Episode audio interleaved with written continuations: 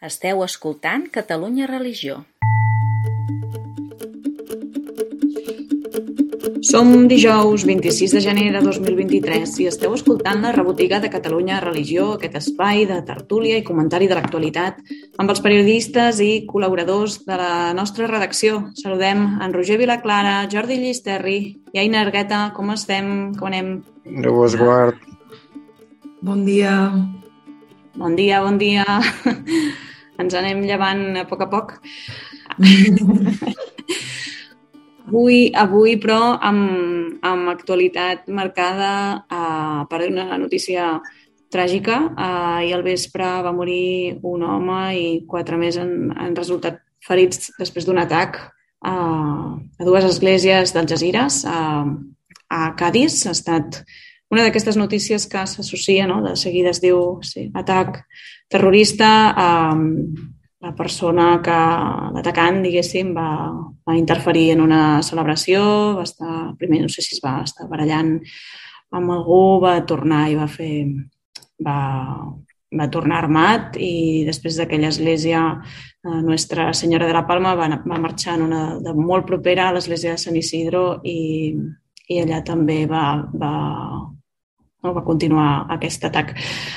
Lamentar des d'aquí doncs, no, aquesta Mm, notícia tràgica que tots sempre ens, ens deixa descol·locats. No? Hi ha hagut reaccions diverses, si ho heu anat seguint, bueno, comunicat també per part de la Conferència Episcopal Espanyola. De les comunitats islàmiques. Ah, les comunitats islàmiques, exactament, han fet també el seu, la seva nota i de condemna en aquest crim. Consideren que és, que és terrible aquest atac contra religiosos. Posen fidels innocents no? en un espai sagrat del que consideren que són els seus germans i conciutadans. Um, vaja, això per part, diguéssim, de la Comissió Islàmica d'Espanya, però també des de Catalunya hi ha hagut reaccions de, de condemna i, i han traslladat el, el condol als, a tots els afectats. Mm, ja, tornem a ser, no? Sembla com si sempre sigui obligat a dir que, que això no té res a veure amb les religions o que és una deformació, però no sé com, quina lectura en feu, eh? O com ho rebeu. Mm, és que és el que dius, Laura. Al final el problema és quan, quan et tanques en un món eh, que no és real.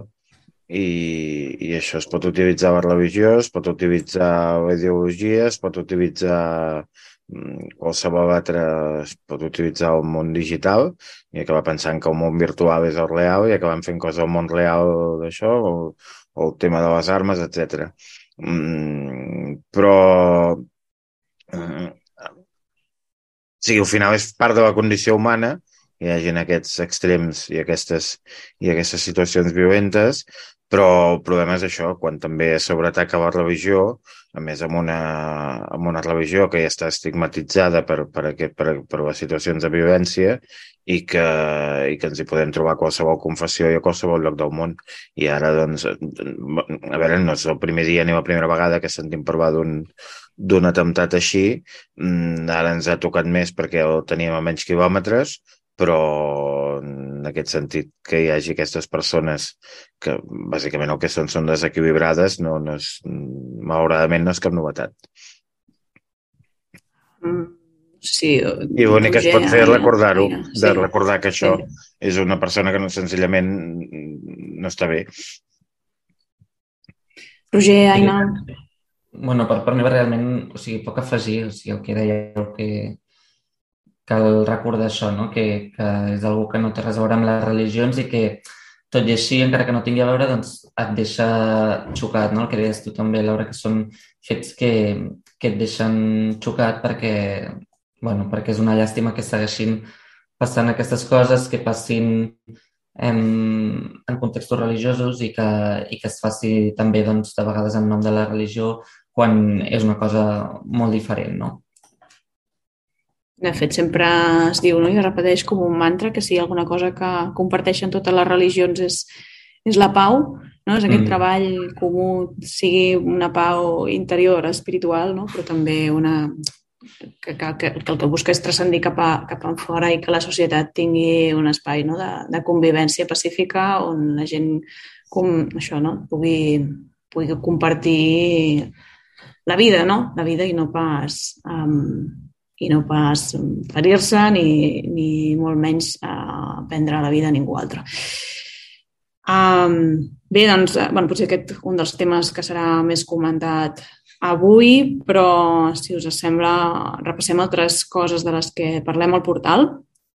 Uh, Aina, vas estar a, a l'església de Santana, coneguda, arxiconeguda també com a hospital de campanya. Aquesta vegada, l'altre dia que parlàvem del, del fred que feia no? I, que, i que ha continuat, mm. però que té sí. afectació molt directa a la sí, gent que fa, viu al carrer. fa molt de fred, eh? Sí, no hi estem acostumats qui, sí. qui, però qui és, qui és que acaba patint no? a, a, a aquest fred i com, com n'hem aconseguit mm -hmm. parlar? Que, quina feina vas fer aquests dies? Doncs sí, exactament. Ara ja fa unes setmanes, com ja en vam parlar la setmana passada, que està fent molt fred i fa un... O sigui, a Santana actualment ja no s'acollia gent per dormir, però amb aquesta onada de fred van tornar-ho a fer. I se'ns va acudir també fer una notícia una mica més eh, humana, no tant com a Santana han acollit a 200 persones, sinó recollir una mica pues, les experiències d'aquestes persones. I la veritat que vam, vaig anar allà com, una mica com a conversar amb elles, no tant amb la gravadora en mà, sinó més vaig asseure al banc al costat d'una i li vaig dir t'importa que m'assegui aquí i parlem una estona i m'expliques una mica la teva història i al final doncs va sorgir aquesta peça com una mica molt més humana, on és, és això, no? com que són persones que han estat en situació de carrer i que de sobte els hi ha vingut aquesta onada de fred i amb uns serveis institucionals absolutament desbordats, l'única opció que queda a Barcelona ara mateix era Santana. Mm -hmm. Quin, una mica impressions o, o què, què te n'emportes d'aquesta feina, Aina? Bueno, eh, no sé, o sigui, la veritat com l'esperança que encara hi ha, saps? O sigui, com que a vegades pensem que som, són gent que ja no... O sigui, potser són molt reduccionistes de sense sostre i ja està, ja no tenen casa ja, però com, per exemple, una de les històries que, que al Roger a mi ens va agradar molt va ser la de l'última, l'última experiència, que és una mare i una filla que, que estaven allà, que estan a Santana, però que la mare eh, vivia de la, de, de la feina de la filla i com la, feina, la filla es va quedar sense feina, van acabar al carrer. I ara actualment, fa literalment dos dies, la filla ha trobat feina, cosa que com obre la porta d'esperança, no? I com em, va, em vaig emportar això, no? Com que a vegades jo personalment sento que són llocs molt tristos on veus molta misèria i de sobte pues, també hi ha finals feliços i això em va agradar molt. Mm -hmm. I, i que, que segurament és possible quan hi ha una, una xarxa no, de suport, la que sigui, no? que, que respon o que ajuda a moure fils i... Jordi, digues, digues. No, que volia recordar que precisament Santana va néixer en un moment com aquest és a dir, neix d'uns dies que comença a fer que, que parlem del canvi climàtic, però això també és habitual, eh? Barcelona una setmana abans potser fa molt de fred, però els dies que fa fred de veritat és, no arribem a zero o gairebé sota zero, però és una situació insostenible d'estar al carrer. I en una situació d'aquestes, quan d'una manera gairebé, bueno, d'una manera totalment improvisada, també molt profètica i alhora molt poc estructurada, doncs escolta, perquè hi hagi gent dormint al carrer, doncs que dormin a dintre l'església. I així comença l'experiència de Santana. Evidentment, després això es va haver d'anar organitzant, institucionalitzant i no es pot tenir una, un espai que no està pensat perquè la gent hi dormi doncs permanentment amb gent vivint allà, però sí que és veritat que continuen responent a aquestes situacions puntuals que entenen això, doncs, que hi ha persones que pel que sigui doncs, no entren en els circuits institucionals d'atenció a les persones sense llar i que al final, doncs, mira, perquè estiguin dormint a fora, doncs, que dormin aquí, encara que potser no puguem fer tot el que, tot el que haguem de fer. I d'aquí, doncs, és tot el projecte que ara, que ara està en marxa. Hi ha, un dels eixos que surt en el reportatge, que és uh, la qüestió de, de la dona, és a dir, del fet de ser dona, com això és com doble, triple marginació, no? Que, que, en què, què implica no? a nivell de, de, de riscos, no? com és més perillós per una dona viure al carrer que, que no pas per un home i, i d'aquí em vau parlar no? també amb algun dels voluntaris d'aquest tema. Exactament, o sigui, una de les coses que des de la mateixa Santana deien és com que hi havia moltes dones al carrer i que el carrer és molt perillós per qualsevol persona, però sí que és veritat com que les dones tenen un risc de, de patir agressions físiques o sexuals molt més gran. I això els hi preocupava molt i fins i tot amb els, amb els testimonis amb els que vaig poder parlar, elles també ho explicaven, com que elles eren conscients, com que es sentien molt més desprotegides perquè literalment no hi ha res que et separi de l'exterior, o sigui, estàs a l'exterior, saps? I és com una vulnerabilitat ex extrema, diria. Així que sí, o sigui, és com de les coses que actualment els estan preocupant més. És molt important de poder llegir tots aquests testimonis no? I, que, i que vaja, no sé, un treball bonic de poder-ho fer de no? conversa de primera mà. Jo crec que és molt important no? quan fem aquest treball d'anar a les fonts, que, no, que a vegades és sempre com una mediació, no? sigui per als voluntaris o per qui organitza, però i, bueno, les persones que estan aquí, que al final són els protagonistes d'aquesta, en aquest cas, lamentable història, però, però com deies que també té càrrega important d'esperança, de, de, no? i que hi ha llums i que hi ha matisos i hi ha ombres, i, però, però al final som, som vides que, que persones que tiren, que tiren endavant, no? i és molt interessant haver-ho recollit, però sí que 100% recomanable a, aquest, aquest report uh, sobre la onada de fred i com a Santana han trobat un, un lloc. Jordi. Puc explicar dues coses internes de la redacció? Mm -hmm. No, que després... Per de... això és la rebotiga, no? Sí. No, que eh, això vam treballar molt bé a l'Aina i a Roger, i després, quan, després a la tarda, quan estava publicat allò que vas donant voltes, i a mi, dues coses que vam discutir. Una, que és que al final de vegades sembla que només existeixi Santana. O sigui, primer, el Pei o la Vicky o el Morlans que estan allà saben explicar-se molt bé. Tenen una capacitat mediàtica important, sí. I, sí, i, sí. I més que la capacitat mediàtica, tenen la mentalitat mediàtica. És sí, dir, sí, fan una cosa, en, el xip, en el xip comunicatiu exacte, permanentment. Que quan fan una cosa, si és bona i és de Déu, doncs es vol explicar-la. Mm -hmm. Que això no, no, no, és, no és per posar-se més mèrits, més mèrits o més medalles, sinó senzillament perquè és bo que la gent sàpiga, igual que es fan coses, que, que passen coses com la que comentava ara només al començar vinculada a la religió, doncs vinculada a la religió també passen coses com aquesta. I això, mm. i això és bo. Però clar, això també ens porta a vegades als periodistes, i en el cas nostre, que estem a 10 minuts a peu de Santana, doncs que moltes vegades el més fàcil sigui això, tal, els d'allà, no? Mm, ho dic perquè eh, si algú diu una altra vegada és a Santana, doncs mm, potser sí, segur que hi ha altres experiències, però al final també són els que saben explicar-se millor i i, I tot i això també jo entenc que és una singularitat, perquè hi ha molta obra social vinculada a l'Església, als religiosos, als bisbats, a càritas, etc etc a parròquies, però potser aquesta eh, és la que mm, té, diguem, aquest, aquest punt més...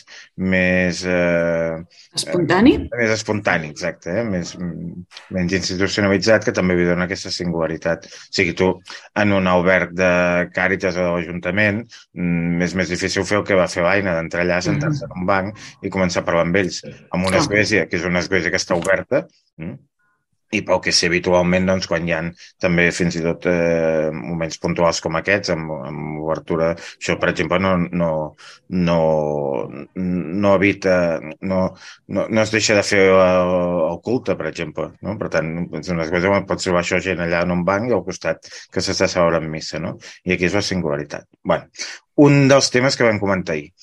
I l'altre tema, que clar, jo, i és que suposo que és un tema que estic molt boomer i, i, i costa aquesta mentalitat, però clar, jo els deia, home, el titular, no podem deixar que cap dona dormi al carrer, cap dona, deia, bueno, no podem deixar que cap dona ni cap home mm, ni cap persona, no? Eh, o sigui, en, en, que darrere hi havia o sigui, darrere d'aquest titular hi ha la sensibilitat de, que, va, que has dit molt bé, Laura, que les dones que estan en aquesta situació tenen una doble o una triple penalització, però deia, clar, no sé si el titular ho recull bé. Jo crec que sí, no? Que és un accent i que entens que aquí t'està explicant el, alguna casuística no? Mm, concreta del fet de, de viure al carrer. Um, clar, no és que Santana estigui dient que, que ja està bé que els homes estiguin... Jo no fas pas aquesta lectura, creieu que es pot fer? Que, crec, que estigui fent una proclama a favor de que els homes dormin al carrer? Clar, jo crec que és el que tu dius, Laura, que en el titular no es diu eh, que els homes hagin de dormir al carrer. O sigui, s'accentua que les dones no han de dormir, o sigui que no, com aquesta intenció de Santana de, de preocupar-se un palet més per les dones perquè estan en un altre, em, en un altre punt de vulnerabilitat, no? Però...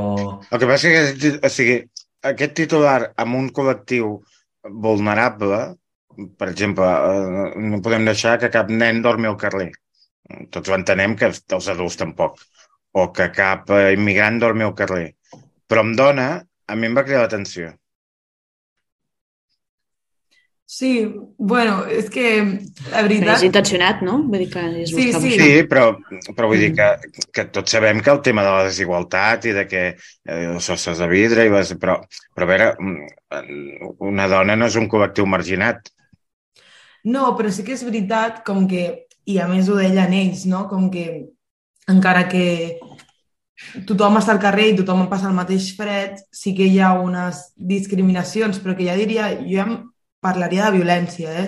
al carrer molt més accentuada cap a la dona. Per això senten que estan molt més desprotegides, no? perquè poden haver-hi agressions molt més usuals cap a les dones mm. que potser els homes no es veuen tant o potser són físiques i no arriben a, a l'altre tipus d'agressions que pateixen les dones. I jo crec que per això ells, perquè clar, és una decla textual d'un voluntari d'allà, bueno, un treballador, per això feien com èmfasi en això. Mm.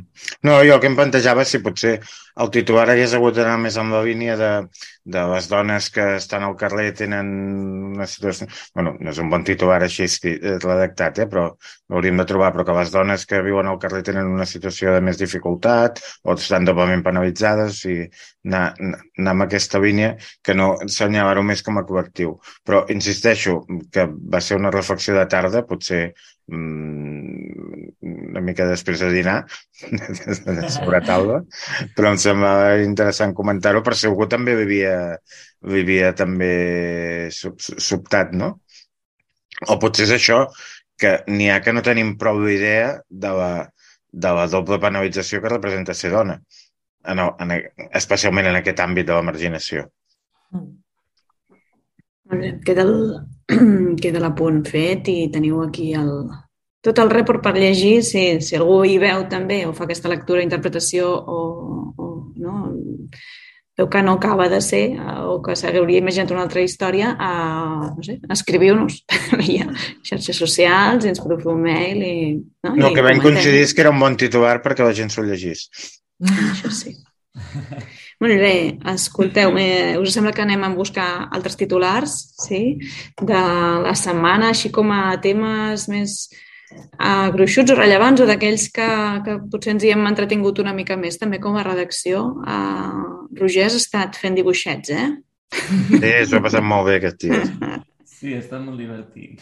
Doncs hem publicat no, aquesta, a partir de l'última actualització que es va fer del mapa religiós de Catalunya, el que publica la Direcció General d'Afers Religiosos, una mica de d'anàlisi comparativa de, de les dades, no? O sigui, més feina d'anar a creuar dades, eh, xifres eh, comparativa amb els darrers anys, des del 2013, com ha anat evolucionant eh, aquesta informació que se centra en els centres de culte, no tant mm. en les persones que no, s'adreixen a una fe, una religió. Què hem vist aquí, Roger? Doncs bé, això sí, ens va semblar interessant fer com aquesta comparativa dels últims 10 anys. Com tu deies, és important fer com aquesta diferència de que no són persones sinó centres de culte. I, i el que, la pregunta al final del titular doncs, era això, no? com havia evolucionat eh, el nombre de centres de culte en els últims 10 anys en, a l'inici de l'article dèiem que, que potser d'entrada la resposta sembla fàcil no? i que és que no ha evolucionat gaire, però és veritat que analitzant una mica més les dades o intentant veure diferències, doncs sí que t'adones que hi ha hagut una tendència similar, no? I, bueno, perquè una mica com la dificultat que també hi ha a l'hora de comparar aquestes dades, o el, el, la que jo em vaig trobar almenys, uh -huh. és que com que les dades comparativament entre els centres de culte catòlics i la resta són tan són, o sigui, la diferència és tan gran... Abismal, no? Exacte. Quan ho poses tot en un mateix gràfic, no veus masses diferències perquè, clar, unes dades et queden molt clar. per sota de les altres, no? Uh -huh. Llavors, el que vam fer una mica és l'exercici d'anar traient certes dades per poder veure també quina tendència tenien la resta de confessions, perquè dintre de que les dades puguin ser menors, també hi ha una tendència i també hi ha doncs, un, una evolució, diguéssim, no? I al final el que veiem una mica és que la majoria de confessions Mm, mantenen una mateixa tendència, que és un creixement important fins al 2013 i una estabilització fins al 2021. Això es pot veure en els gràfics de l'article, ja dic, en, a mesura que vas tirant a baix, doncs anem traient confessions, eh, l'Església Evangèlica i l'Islam i, i, i els catòlics, llavors es veu més com aquesta tendència que, que deia ara.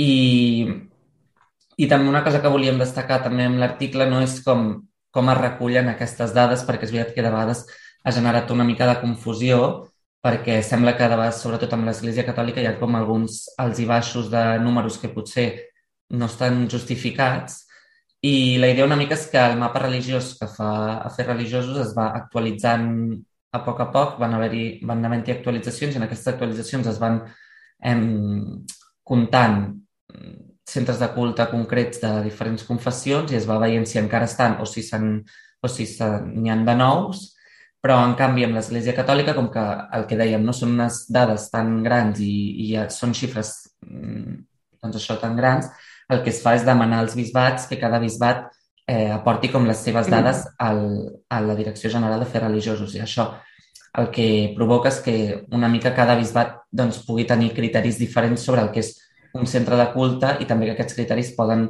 variar en els anys. És a dir, mm, una ermita que està sola en una muntanya és un centre de culte o no? Doncs potser depèn de cada bisbat és un centre de culte o no. O una capella que està en una comunitat dintre d'una escola mm, és un centre de culte o no? Vull dir, potser la resposta és molt fàcil per, al, per nosaltres, però potser per algú altre no. O sigui, vull dir que... Sí, és fàcil, què diríeu? És a dir, si hi ha una ermita on s'hi celebra una plec cada cinc anys, és un centre de culte? Clar, en teoria, la idea del mapa és que el centre de culte és un lloc on hi ha activitat religiosa. Però clar... Permanent, constant, amb clar, quina freqüència... Això, això no es defineix, eh? Clar, i fins i tot un centre de culte que pugui tenir un ús privat, o semiprivat, com uh -huh. la capella d'una escola, uh -huh. que s'hi fa la missa a final de curs. Mm... Clar, perquè l'has de deixar de comptar si al final estàs comptant centres de culte. Sí, sí, sí. sí, sí. sí. I al revés, eh, de, de, de, de l'àmbit de, les, de les tradicions minoritàries, sobretot aquestes que també tenen més una dimensió cultural, o millor estem parlant d'un centre més, que va molt més enllà de la part religiosa i té una part cultural i, i, i espiritual que va molt més enllà i que també hi ha un centre de culte i que potser dius, bueno, per aquí passa molta gent, sí, però potser a meditar d'una estrictament religiosament, per dir-ho així, perdoneu que sé que els termes que estic fent servir són incorrectes tècnicament, però perquè ens entenguem, vull dir, sí, hi ha molta activitat i moltes coses, però la dimensió religiosa és només una part d'aquesta activitat i ho contem igual. Mm -hmm. Sí, sí, sí. sí, sí. I, I hi ha algun... És a dir, a, a aquest, mm, si hi ha una marca, diguéssim, al cap dels anys, o aquest 2013, no?, que hi ha una estabilització, deies, uh, Roger, no?, quan a obertura o així, això té a veure a nivell legislatiu que, que si hi hagués algun ordenament o normativa eh, que, no sé, no, no, no té res a veure, eh? no és que hi, hagués, jo, hi hagi jo, hagut una decisió que hagi fet que hi hagi centres que passen a ser oficials o no.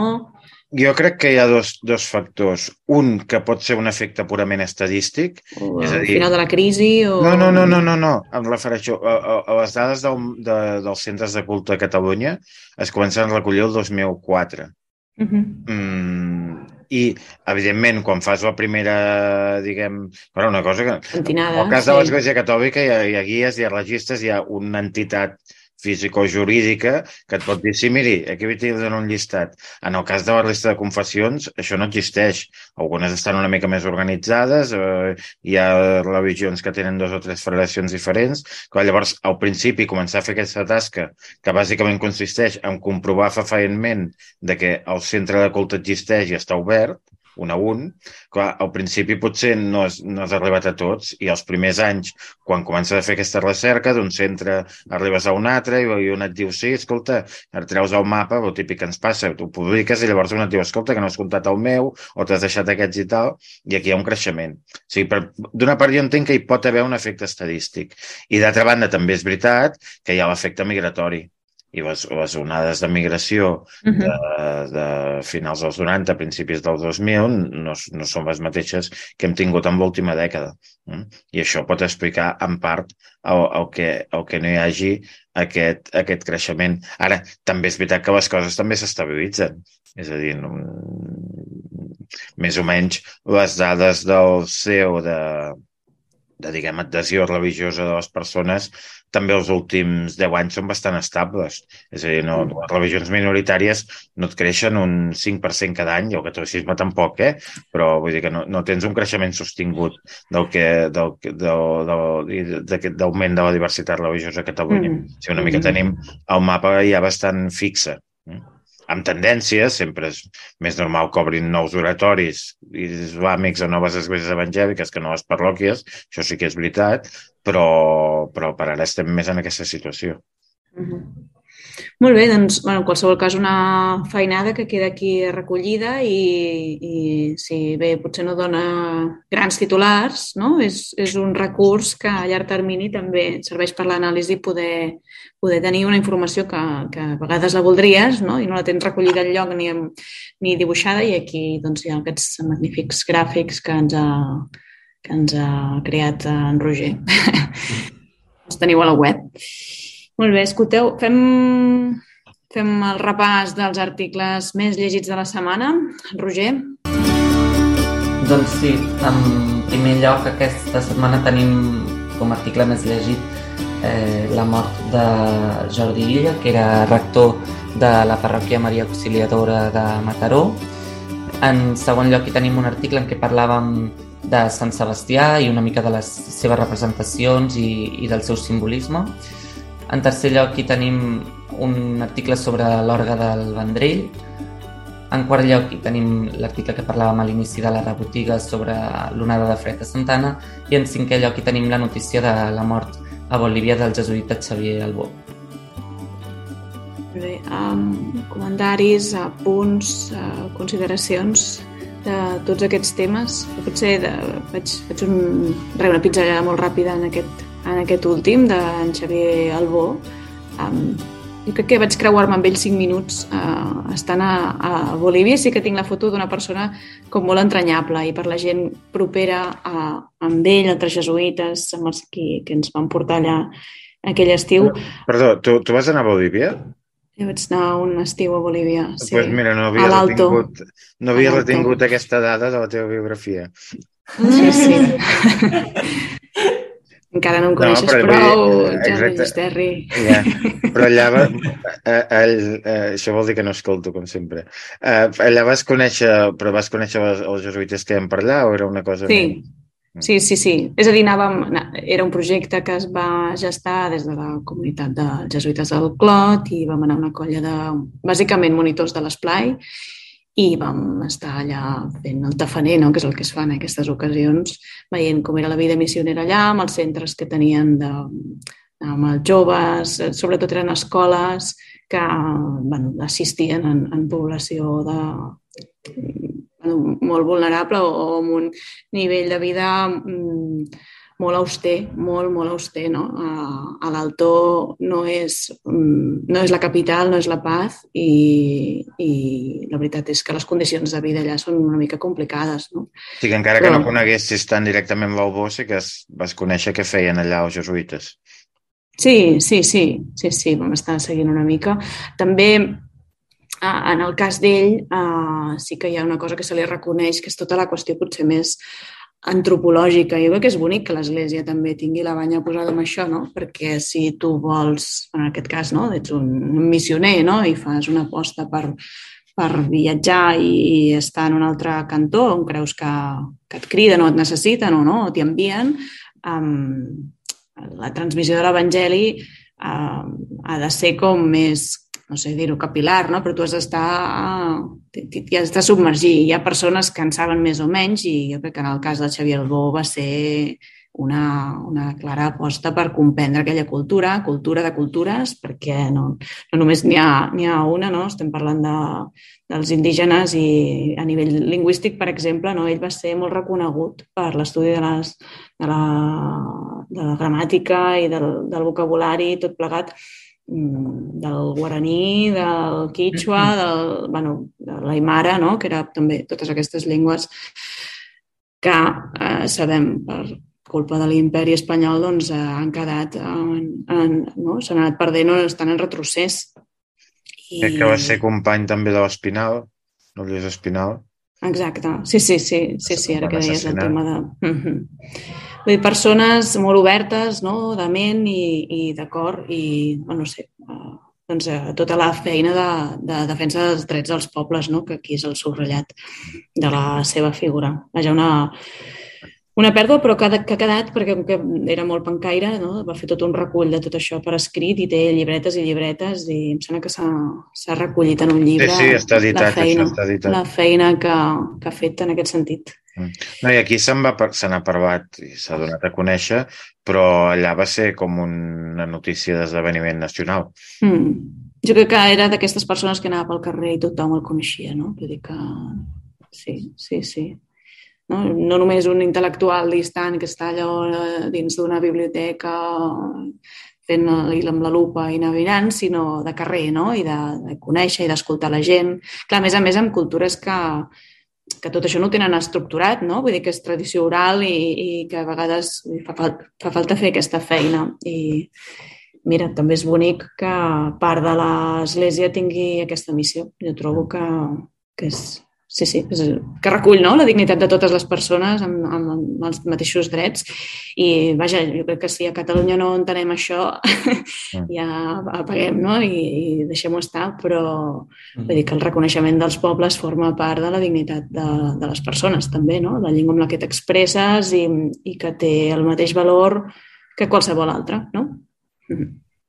No, aquesta sensibilitat de recollir la, la, la identitat pròpia del, del territori on, on es anava de missió mm, fa segles que també ho han tingut altres, altres congregacions i altres religiosos o altres clergues que han anat a, a missions i de fet uh -huh. hi ha diverses, hi ha diverses llengües que, que s'han conservat o en, o en algun punt, o que bàsicament eren tradicions orals, sistematitzat per la intervenció precisament de religiosos. Que aquí sí, sí, també, sí. I, i ara parlo d'èpoques molt enrere que no tenen res a veure amb la mentalitat del, del Xavier Albó, no? Però que, clar, al final també, com que anaven a convèncer-los, si no els entenien, no, és molt més difícil. Per tant, al final, fins i tot per una qüestió pràctica, de que, escolta, perquè m'entenguin, o els hi parlo la seva llengua, o, o no me'n sortiré. I, per tant, hi havia la necessitat de conèixer-la, però això també permès després conservar-la. Sí, sí, sí. Tot això, eh, que, que en el seu cas ha estat reconegut, eh? si aneu a buscar l'obituari de la, que, que vam publicar Catalunya Religió, veureu el llistat de, de premis, eh, reconeixements premi. en aquest sentit, eh? també, vull dir que era, era una institució. Um, molt bé, no sé si hi ha res més per comentar, si no deixem aquí la rebotiga d'aquesta setmana. Moltes gràcies per, per seguir-nos al web, a xarxes socials i per, per escoltar aquestes converses desenfilades que tenim aquí. Gràcies, Jordi Misterri. Per escoltar una cosa que no té cap interès. Ho has dit amb aquell entusiasme. No, home, no, vull dir desinteressat, que, no, que anem fent aquí. Informal. Sí, sí, sí, gràcies a Jordi Llisterri, Aina Argueta, Roger Vilaclara i s'acomiada també fins la setmana vinent una servidora Laura Mor. Fins aviat. A veure.